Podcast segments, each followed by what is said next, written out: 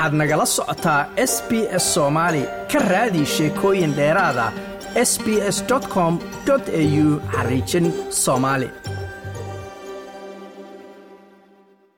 maalin wanaagsan khiyaartana dhegaysanaysa ay ku soo dhowaada laanta af soomaaliga idaacadda s b s iyo wararkii maanta oo khamiisa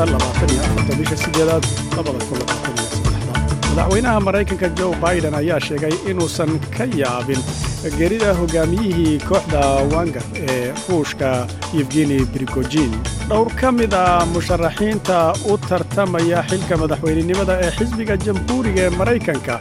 ayaa isweydaarsaday weerarro xooggan oo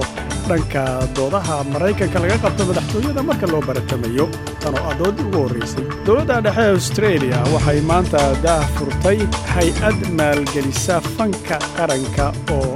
la cusboonaysiiyey laguna magacaabo creative australia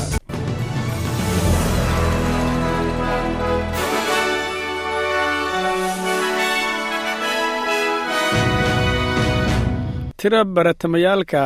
doorashada xisbiga jamhuuriga oo ga qaybgalaya labada kun labaatan iyo afarta ayaa weeraro adag isdhaafsaday. Baratankooda kulankii ugu horreeyey ama doodii oo ugu horraysay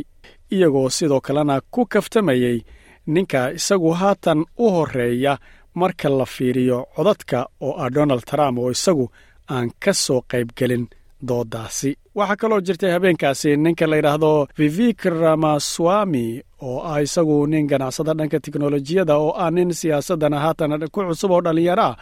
oo soddon iyo sideed jira ayaa waxa uu isagu markaasi muujiyey awood dhanka ku saabsan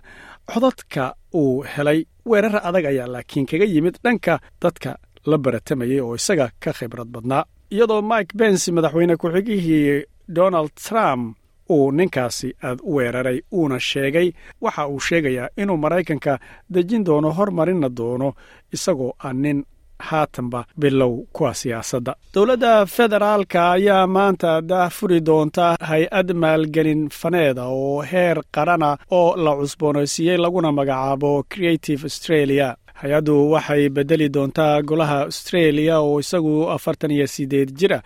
waana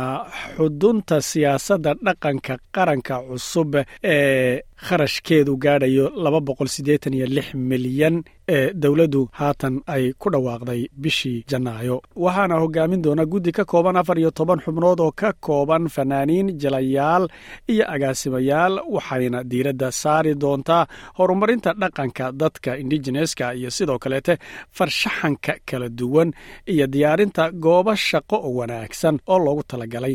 shaqaalaha farshaxanka